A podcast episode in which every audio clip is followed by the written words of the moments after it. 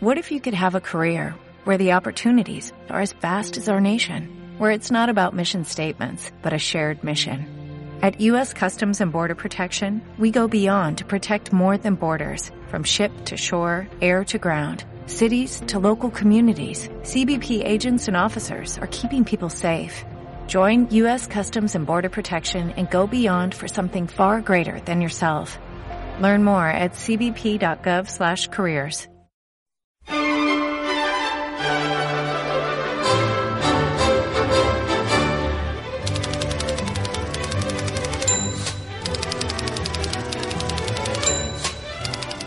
D'aquesta manera comença La República de les Lletres.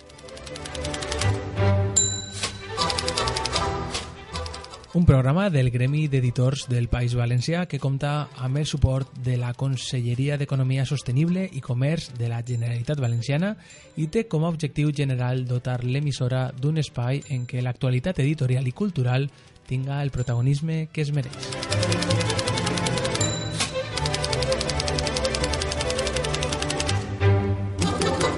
Es tracta de fabricar un programa dins del qual tinguen cabuda diversos gèneres radiofònics, però d'una manera el més amena possible. La República de les Lletres, cada setmana en aquesta emissora.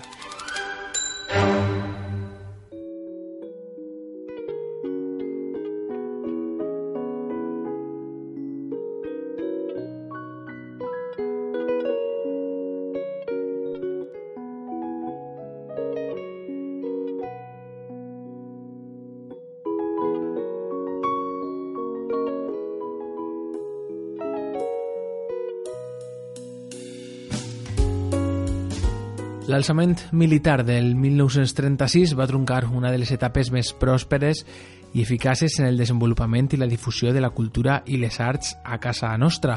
La revista Lletres Valencianes ha dedicat no fa molt un exemplar a fer un balanç d'aquells anys de dinamisme civil i d'eufòria intel·lectual.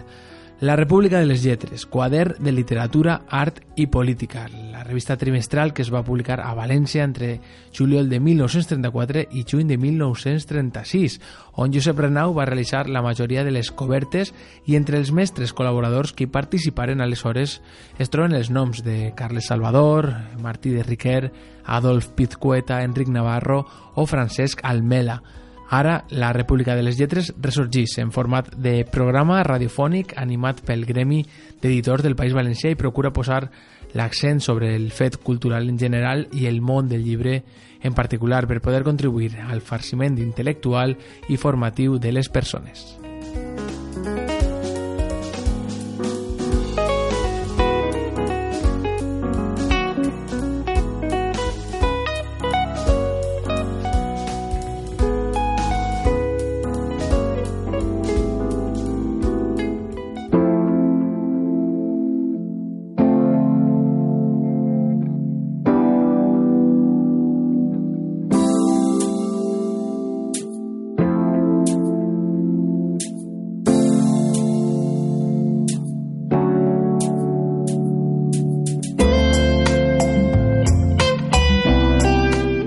Programa d'avui els portem alguna que altra novetat editorial que el Gremi d'Editors ens ha fet arribar perquè els ho relatem.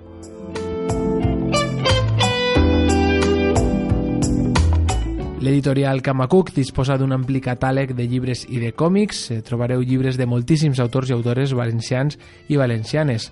Avui l'editorial només edita còmics, però podreu veure que hi ha llibres diversos i per a totes les edats. El fons editorial de Kamacook ha anat publicant al llarg de la seva existència llibres i altra mena de publicacions.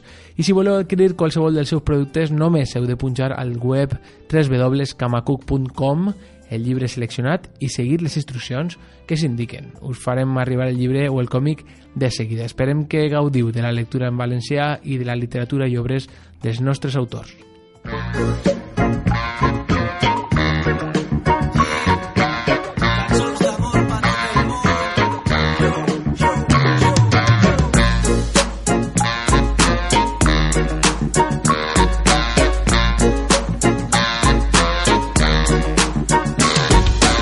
Benvingut Puja la millor terra del món, però paciència, perquè és una terra que no sap de què va, on platges, terrasses i la puzzle són l'essència, on no es pot ser crític perquè et miren mal, és una terra que ningú vol veure morta, però preferim circunvalacions a cultivar l'horta, i l'evidència és que el sistema està com una cabra, quina és la diferència entre sa plana cançó Fabra, i ara que el capitalisme coixeja a la merda, la crisi mostra la cara lletja de la banca, l'oferta és que és la teua última oportunitat i la intenció és salvar-se el cul, xuplant la sang, i mentre comptes corrents es van deshidratant, els banquers prematurament jubilats van augmentant, cobren salaris desproporcionats i es riuen de la crisi perquè estan millor que mai, és molt fort.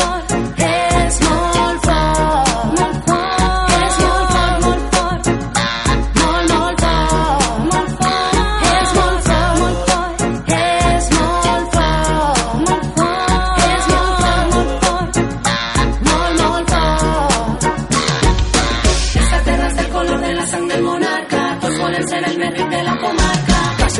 Presenta cada població la meitat no sap què vol dir prevaricació per a mi l'acció és despullar-se llevar-se la roba, marques i maquillatge Metges sense bates, polítics sense plata i policies uns que no van envalentonar-se.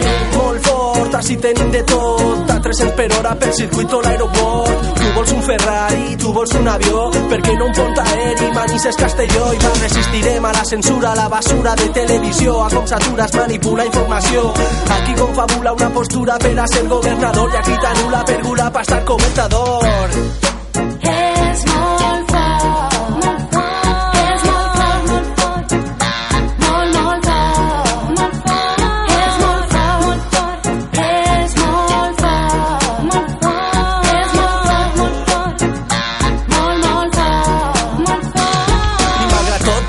meua, jo t'estime. Li dedique a la teua lluna les millors rimes. No són poesies, són cançons d'amor descolorides, on faig que ballen les teues paraules preferides. Terra meua jo t'estime, li dedique a la teua lluna les millors rimes. No són poesies, són cançons... L'Eixam ens recomana la lectura de qualsevol dels llibres de la seva col·lecció Roja i Negra, en què aporta un bri del pensament anarquista d'ahir, d'avui i de sempre. En aquest sentit, dins d'aquesta col·lecció hi trobem el títol Què és l'anarquia? de l'escriptor italià Luigi Fabri, que, que ens repassa el pensament d'aquest corrent polític. Amb aquest eh, llibre s'inicia la col·lecció Roja i Negra, mitjançant la qual l'editorial que dirigís Rafa Arnal vol rescabalar tots aquells texts bàsics de caire llibertari que configuren el corpus ideològic d'acció, discussió, filosòfic i propagandístic que ens han ajudat a divulgar la idea. A la mateixa col·lecció hi tenim El poder de Lleó Tolstoi i la Comuna de París i la Revolució Espanyola, escrit per Federica Montseny, dona política i sindicalista, anarquista espanyola, ministra durant la Segona República i primera dona en ocupar un càrrec ministerial en aquells anys.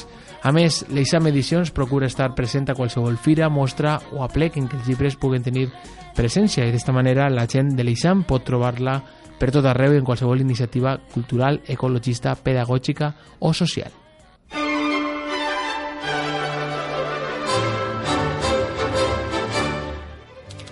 Setmana, en aquesta mateixa sintonia, La República de les Lletres. Un programa del Gremi d'Editors del País Valencià.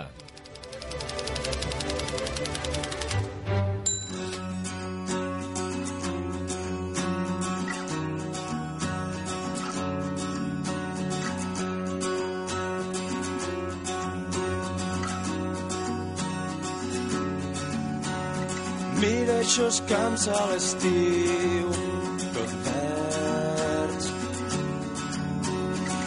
Tot eixe verd de l'estiu se'n va, se'n va.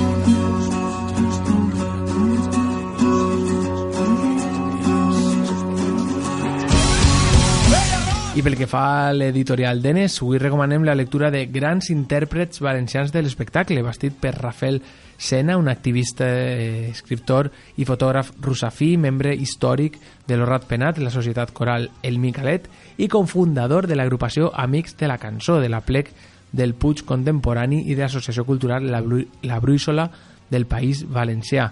Nascut al carrer Russafa, en una família de retratistes, eh, Sena estudià batxillerat en l'Institut Lluís Vives de València i en acabant feu estudis d'artesania i de belles arts, però exercí la professió en l'estudi fotogràfic familiar, especialitzat en la restauració de fotografies velles. Pel que fa a grans intèrprets valencians de l'espectacle, s'ha de dir que els valencians sempre han estat considerats com un poble d'artistes, ja que per tot arreu trobem alguna persona natural d'aquest país introduït en el món de l'espectacle. Este llibre els repertoritza i els recupera de l'oblit un costum tan valencià, aquest, el de l'oblit. Se'n va.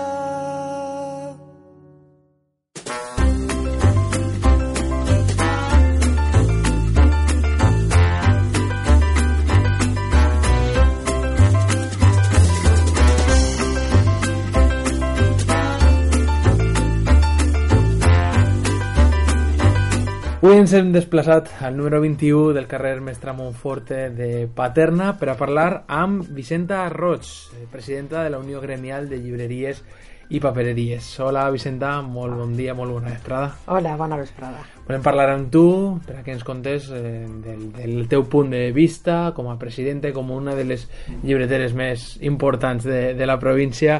Com és això de tindre una llibreria i començant pel, pel principi, com te sorgís a tu la idea de- d'iniciar un, un negoci com, com este? Bueno, la idea és progressiva perquè es vàrem quedar fa 22 anys una papereria quiosc i vàrem anar canviant, canviant fins a que arribarem a, a ser llibreria des del 2008, llibreria en fons.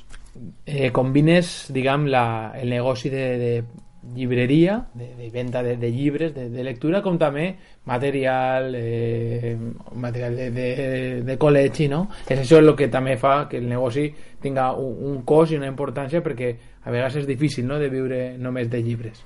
Molt difícil viure només de llibres. Eh, sí, tenim algo de papereria que s'ha anat reduint per la invasió dels xinos, algo de regals, intentem algo que tinga diferent, però la gent només mira que és diners. Però bueno, intentem aguantar en, en les tres coses. Mhm. Ara mateix, Vicenta, eh, quina és la competència més, més forta que, que té el teu negoci? En qüestió de llibreria, mm, per a mi no són els llibres digitals, que són una competència, però es pot conviure. Per a mi en estos moments és Amazon, que ven de tot. Ven de tot i pareix que siga l'únic en el món que puga vendre llibres. Com eh, podrien competir davant aquesta gran empresa que és Amazon que, que ens contes? Jo ho veig difícil. Es pot vendre per internet, però ells juguen en que tenen de tot, que tenen tots els llibres, o això se pensa en ells, i almenys els que estan en el mercat així com els bestsellers i tot això i jo no puc tindre així la disponibilitat que es puguen tindre en un gran magatzem o, o en el contacte que puga tindre no sé en qui. Mm, jo no puc servir al dia següent alguns llibres, altres sí perquè els tinc així, però jo no puc servir tan ràpid. Podria no me veig possibilitat de, de fer-ho. Mhm. Això és, eh, diguem que ara mateix el present i el futur de, de les llibreries de, de poble, com, com és esta de Sant Bòria a Paterna, té un futur oscur. Molt negre, oscur no, molt negre, molt negre. No se veu llum i està molt difícil. Eh, hi ha una altra competència, que són les mateixes escoles que són capaços de vendre tot, lectures, text, eh, escoles públiques que en lloc de comprar a la llibreria han comprat llibres de text en la xarxa a Carrefour i així na continuem. L'assumpte és que la llibreria és un bitxo raro, almenys a nivell de pobles que no estàs en el centre. Unless you're a madman, you can't make do in the art fields. You've got to be inspired and mad and excited and love it more than anything else in the world. And to hell with the relatives, and if any girl doesn't like what you're doing, out of your life. And if any of your friends, uh, male friends, make fun of you, to hell with it. Out, out. but it has to be this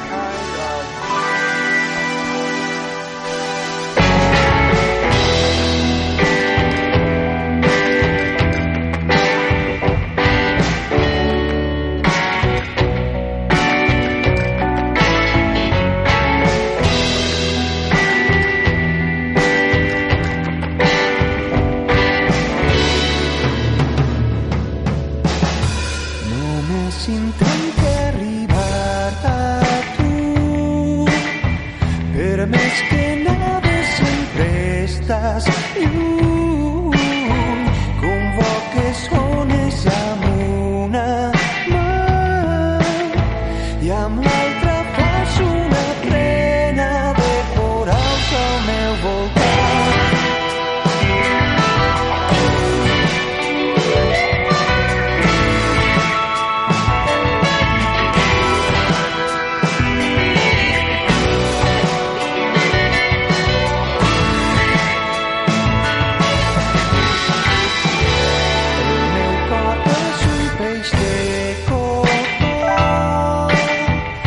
situation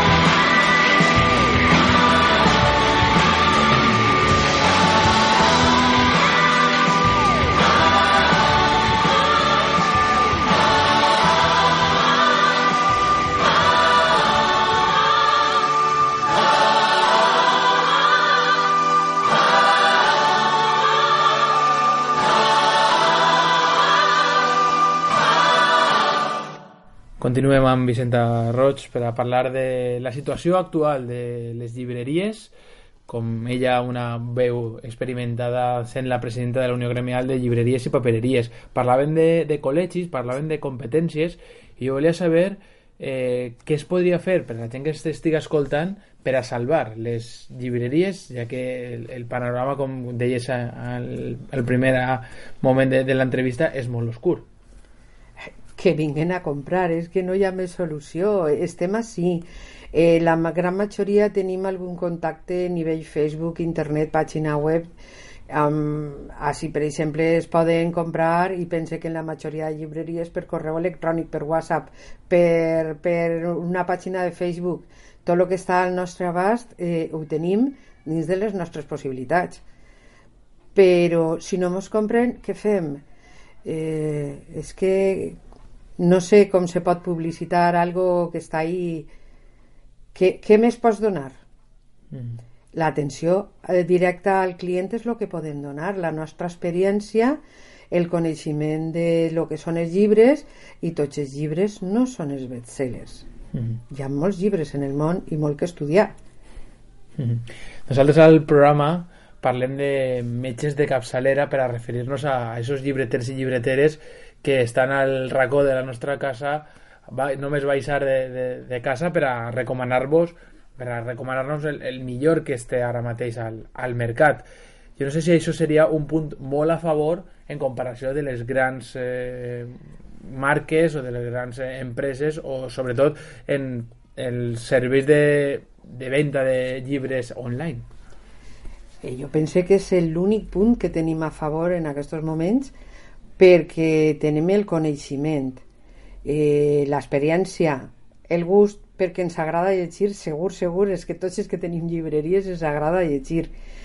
I és que no sé què, què més, eh, estem així per a lo que faça falta, eh, busquem... Eh, nosaltres, per exemple, busquem hasta llibres descatalogats per a donar servei al client, però clar, és el client que busca algo que té clar, no el client que va, vaig a comprar-me l'últim que ha eixit.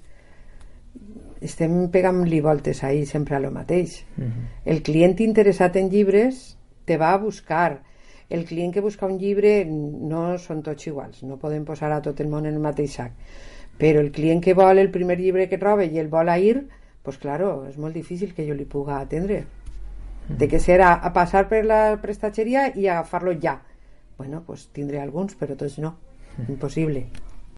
Ways in the gobble, when I see I wanna see, when I see I wanna ways in the gobble. Ways in the gobble, when I see I wanna see, when I see I wanna ways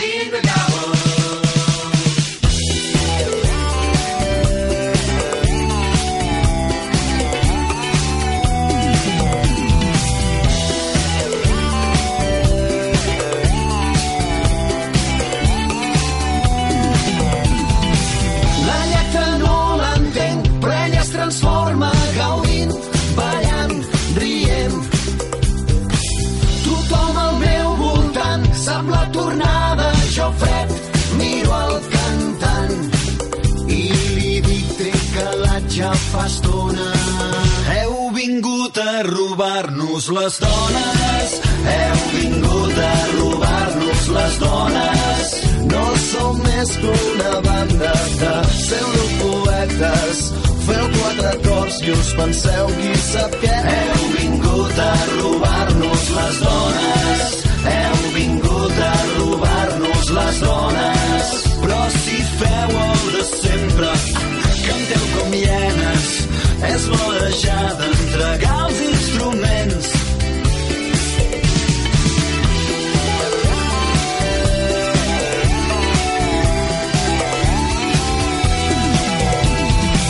S'acaba el seu gran hit, ella m'abraça, seiem fluixet, li dic. Jo de cançons així, en una tarda 25. Hi ha un subtext que mai no evoluciona. Les cançons diuen tota l'estona.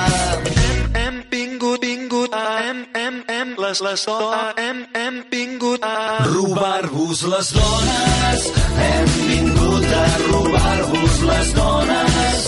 Crits bataires del pop, lletres repetitives. Fem quatre cors i ens en sobren i tot. Hem vingut a robar-vos les dones, hem vingut a robar-vos les dones. Sempre fem el mateix però vestit de manera que sembli que anem millorant amb el temps.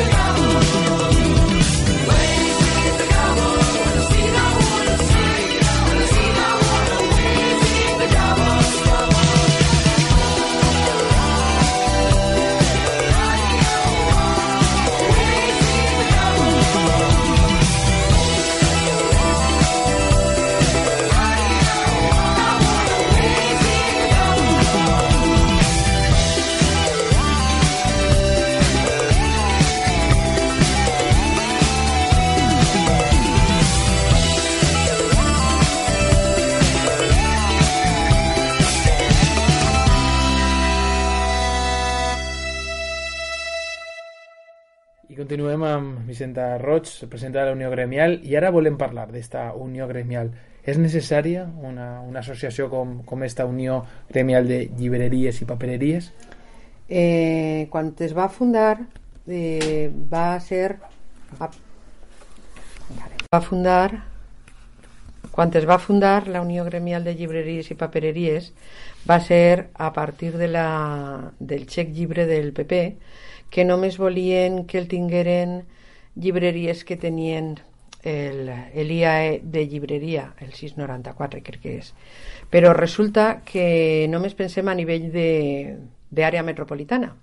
I en els pobles, en molts pobles, i en la llibreria és llibreria, és papereria, però a més és moltes coses perquè a lo millor no hi ha, no hi ha molts més negocis en el poble a part d'este i altres poques coses.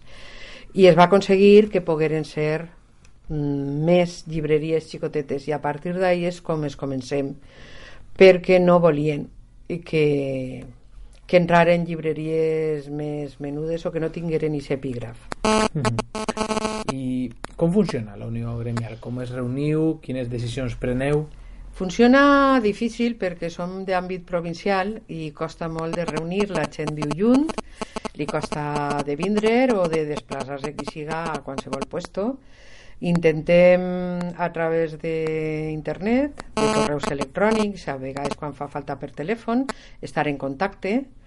Ara mateix havem preparat un manifest per a presentar a Conselleria per el tema de xarxa llibres i funciona pues, eh, regular perquè cada vegada són menys. Des de que vàrem fundar-lo vam passar de 60 socis a 20. Mhm. Perquè la gent tanca bé perquè ja no pot aguantar el negoci o bé perquè no té continuïtat en la família quan tu no se jubila. I s'està jubilant molta gent que no té ningú darrere ni ningú se vol quedar una llibreria. I continuem treballant tot el que podem dins de les nostres limitacions perquè no tenim res més que nosaltres mateixos però intentarem aguantar tot el que puguem. Mhm. Per últim, eh, volia parlar de la Fira dels Llibres i volia saber quin paper té la Unió Gremial de Llibreries i Papereries i en concret eh, tu Vicenta amb, amb la teva papereria, llibreria Sant Mori si hi ha alguna representació. No, a veure, eh, la Fira del Llibre eh, se fa a partir del Gremi de Llibrers de València, que són ells que la organitzen. Este any vam demanar participar com a associació i no ens han deixat perquè diuen que no publiquem llibres. O sigui, com a associació sense ànim de lucre només podríem anar si publicàvem llibres, que tindré que acostar-me este any a la fira i veure si, si tots els que estan allí realment publiquen llibres o no. Però ens han denegat participar.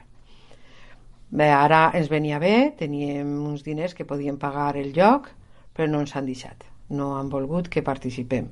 La gent participa en alguns pobles a nivell local o participa a lo millor en la comarca, si fan alguna fira al llibre col·labora, però costa molt d'eixir de casa, és molt cansat, molt pesat i normalment es costa diners. Eh, primer problema, la xarxa llibres. Eh, jo estic completament d'acord en l'escola pública i gratuïta però quan es comença una cosa hi ha que tindre en compte a totes les parts. Què ha passat? Que el que comentava abans, si l'escola, els llibres que li falten d'aquest banc de llibres, es té que comprar, no els ha comprat a la gran majoria de llibreries, s'han comprat a grans superfícies, digues com se vulgui dir. A- Unes sí, altres no, hi ha pobles que ho han organitzat molt bé, altres pobles que no han pogut fer res, i ens ha fet molt de mal perquè si últimament per culpa de la falta de lectura la campanya escolar suposava segons s'ha calculat un company entre el 60 i el 70% de, de guanys anuals pues havem baixat a la meitat almenys. De moment. Això per una banda. Ja s'ha creat un pla lector que segons ens diuen tindrà efecte a partir dels dos anys. O sigui, se posen uns diners per promocionar la lectura això portem quasi dos anys i no s'ha vist en cap puesto. No, no arriba la promoció. Les biblioteques de les escoles no tenen llibres actualitzats ni compren llibres. I si es compren a tots no ens passa però a la gran majoria no ens arriben ni ses compres per tant, no ens compra l'escola. No venem llibres de text no venem llibres de lectura. Mm, està complicat perquè si els adults compren segons cada un els interessos. Però si els nanos des de l'escola ja hi ha un treball que se fa en molts puestos de promocionar llibres es nota, es va notant que algú va a la llibreria a comprar llibres. Però si no hi ha més i se treball és molt difícil Bé, Vicenta, doncs moltíssimes gràcies per, per aquesta entrevista. Te desitgem la major de les sorts per al futur de, de la teva llibreria i també de la Unió Gremial de, de Llibreries i, i Papereries. I volíem acabar amb un somriure esta, esta entrevista, que no fora tot negatiu, i sabent la teva experiència com a llibretera i que estàs en contacte amb els llibres tots els dies, eh, què ens recomanaries per a, per a llegir? M'agrada molt Dolores Redondo, me vaig llegir la trilogia del Batzan sense parar i m'ha agradat molt el seu llibre que ha guanyat el Premi Planeta, de l'últim que ha llegit, m'ha agradat molt. Mm -hmm. Doncs ahí queda la recomanació de Dolores Redondo per als nostres oïdors i oïdores. Vicenta Roig, moltíssimes gràcies per avui atendre-nos així a la teva llibreria i com deia abans, molta sort. Moltes gràcies. No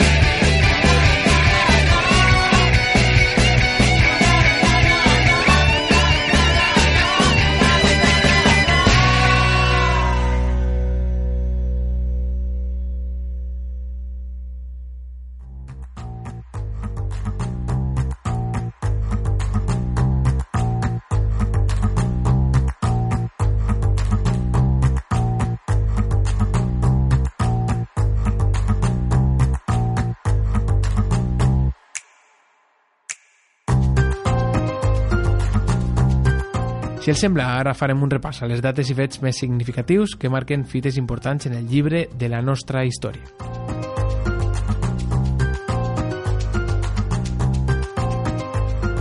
Entre els musulmans, el llibre fou objecte d'estudi i encara de certa veneració. L'esplèndor cultural del califat, continuat després en els regnes de Taifes, va donar lloc a un bon nombre de bibliòfils prestits pels califes que van saber farcir bones biblioteques durant els anys anteriors al segle XIII.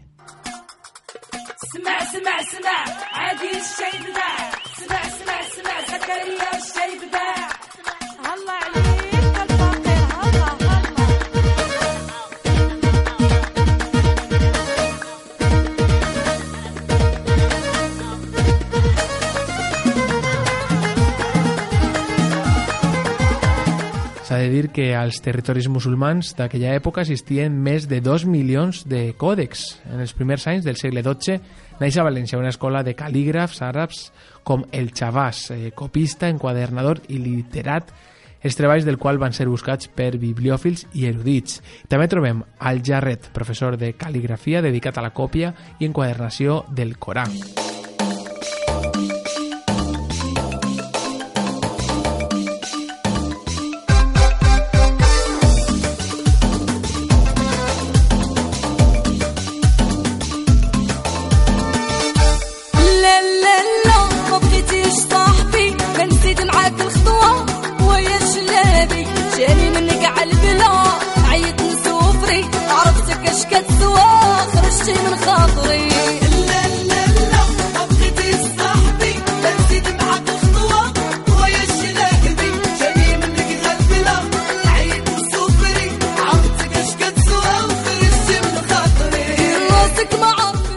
Mitjan del segle XII es daten els còdecs corànics d'Aben Shalat i dels tombants d'aquest mateix segle els d'Abu Mohamed Aben Gatós, famós pels seus manuscrits que són perfects, perfectes, vells pel que fa a l'escriptura, puntuació i enquadernació i molt acurats pel que fa a la reproducció. Amb ell s'inicia la nissaga dels Abengatós. El seu fill Abu Abdallah Abengatós fou el més famós cal·lígraf de la seva època, no sols per la perfecció de la seva escriptura, sinó per la seva escrupulosa puntuació i ortografia. Un còdex eh, fet per ell arribava a preus fabulosos i era buscat com una joia pels bibliòfils més rics. Després de la conquesta de València pel rei en Jaume, l'escola valenciana de cal·lígrafs àrabs eh, perdurà més de 100 anys al nord d'Àfrica i especialment la Cancelleria de Tunísia.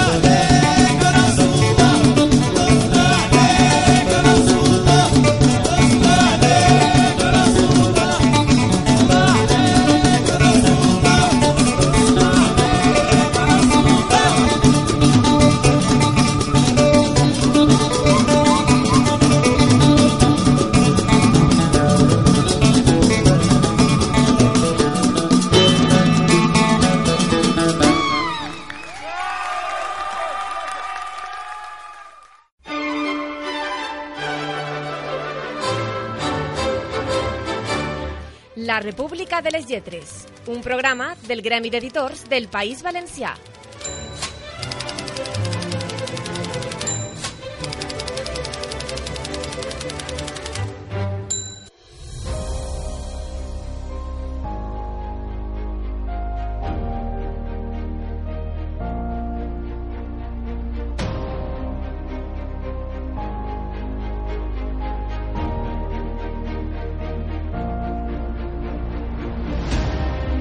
Programa rescatem un fragment del llibre de Rafa Arnal La Solsida, un llibre que novela els anys de la República, la Guerra Civil i la tristor de la postguerra a partir de la memòria oral dels protagonistes de l'entorn més immediat de l'autor, majoritàriament llibertaris valencians.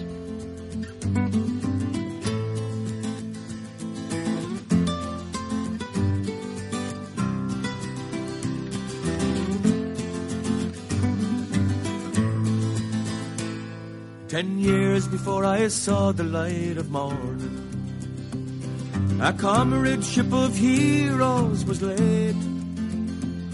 From every corner of the world came sailing the 5th International Brigade. They came to stand beside the Spanish people to try and stem the rising fascist tide. Franco's allies were the powerful and wealthy. Frank Ryan's men came from the other side. Even the olives were bleeding as the battle for Madrid thundered on. Truth and love against the force of evil. Brotherhood against the fascist clan. Viva la Quinta Brigada. The pastor and the pledge that made them fight. Adelante is the cry around the hillside. Let us all remember them tonight. Bob Hilliard was a Church of Ireland pastor. From Killarney across the Pyrenees he came. From Derry came a brave young Christian brother. Side by side they fought and died in Spain. Tommy Woods, age 17, died in Cordoba. But in Fianna he learned to hold his gun. From Dublin to the Via del Grio, where he fought and died beneath the blazing sun. Brigada, the passer and the pledge that made them fight. Adelante is the cry around the hillside. Let us all remember them tonight. Many Irishmen heard the call of Franco. Joined Hitler and Mussolini too.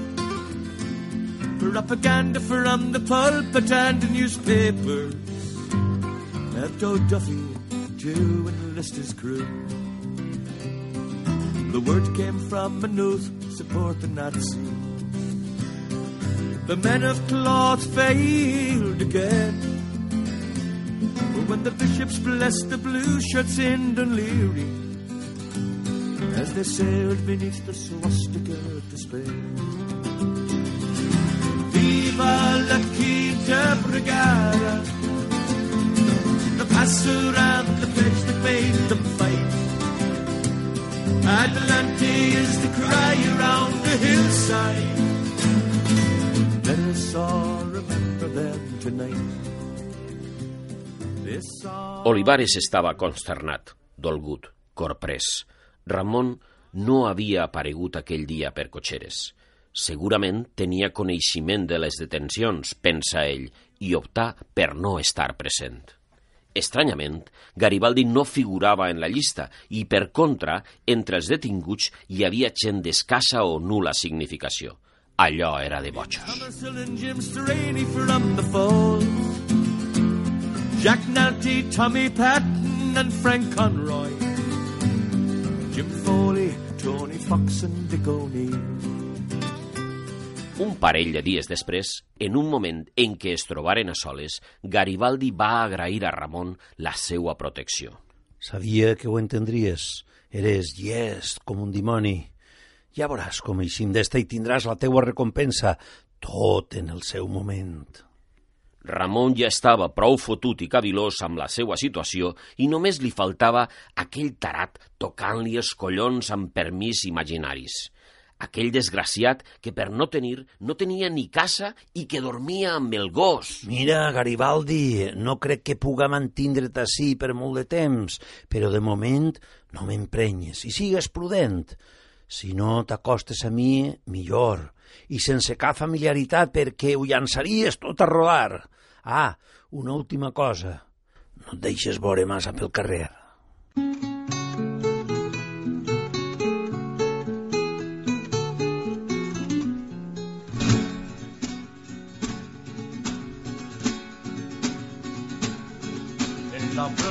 plaza de mi pueblo dijo el jornalero al amo. En la plaza de mi pueblo dijo el jornalero al amo. Nuestros hijos nacerán con el puño levantado.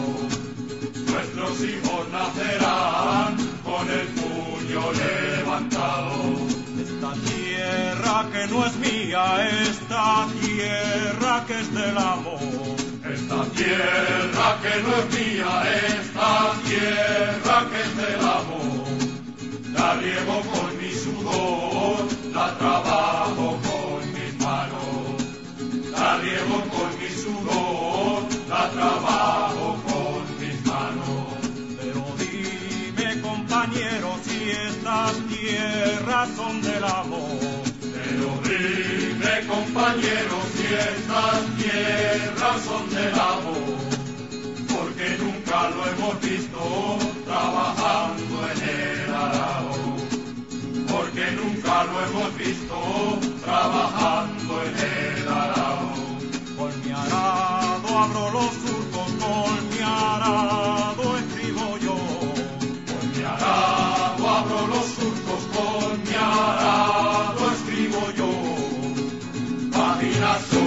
tierra de miseria y de sudor. Páginas sobre la tierra de miseria y de sudor.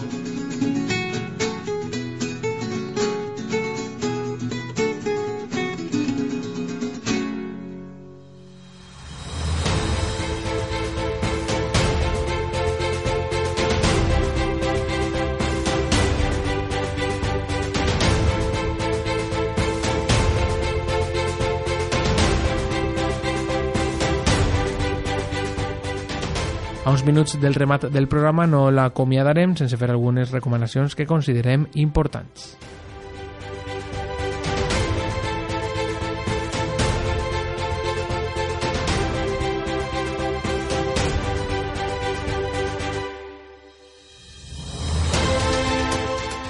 La primera d'elles és que en temps de trobades d'escoles per la llengua s'ha de procurar acudir per donar suport a esta reivindicació que tants anys ha costat en posar en valor. A més dels tallers i les paradetes, de segur que trobaran alguna llibreria de capçalera per poder nodrir-se dels llibres que necessite. No tenim cap dubte que el millor remei per a la hipocòndria és un bon llibre i que la lectura perjudica notablement el grau d'incultura de les persones.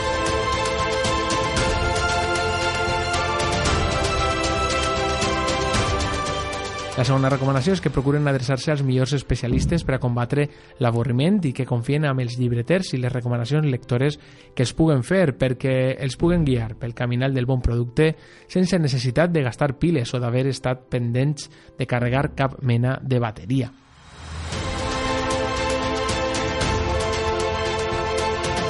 I la darrera recomanació d'avui té a veure amb el programa que està escoltant. Cada setmana, en aquesta mateixa sintonia, té una cita amb el món dels editors i dels llibreters. Una cita que està confeccionada pel Gremi d'Editors del País Valencià, que compta amb el suport de la Conselleria d'Economia Sostenible i Comerç de la Generalitat Valenciana i que té com a objectiu posar en valor els protagonistes de la cultura en general i les novetats editorials en particular. Autors i autores, editors i editores i fins i tot els lectors més coneguts i reconeguts passaran per este programa perquè configuren eixe mapa que el Gremi d'Editors del País Valencià vol accentuar i posar en valor.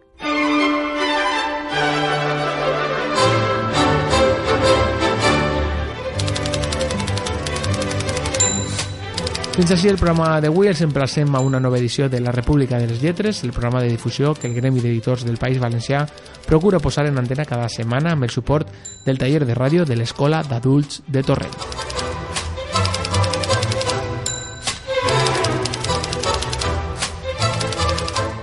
Tracta d'un programa que ha estat possible gràcies a esta col·laboració amb el treball de documentació de Pere Rossell i la producció del grup Escorcoll.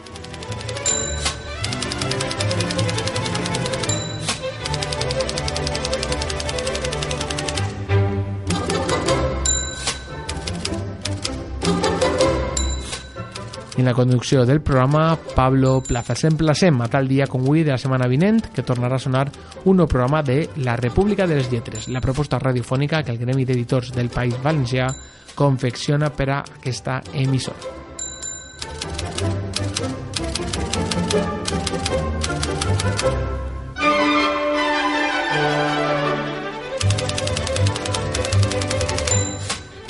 La República de les Lletres els emplaça d'ací a una setmana. Els esperem.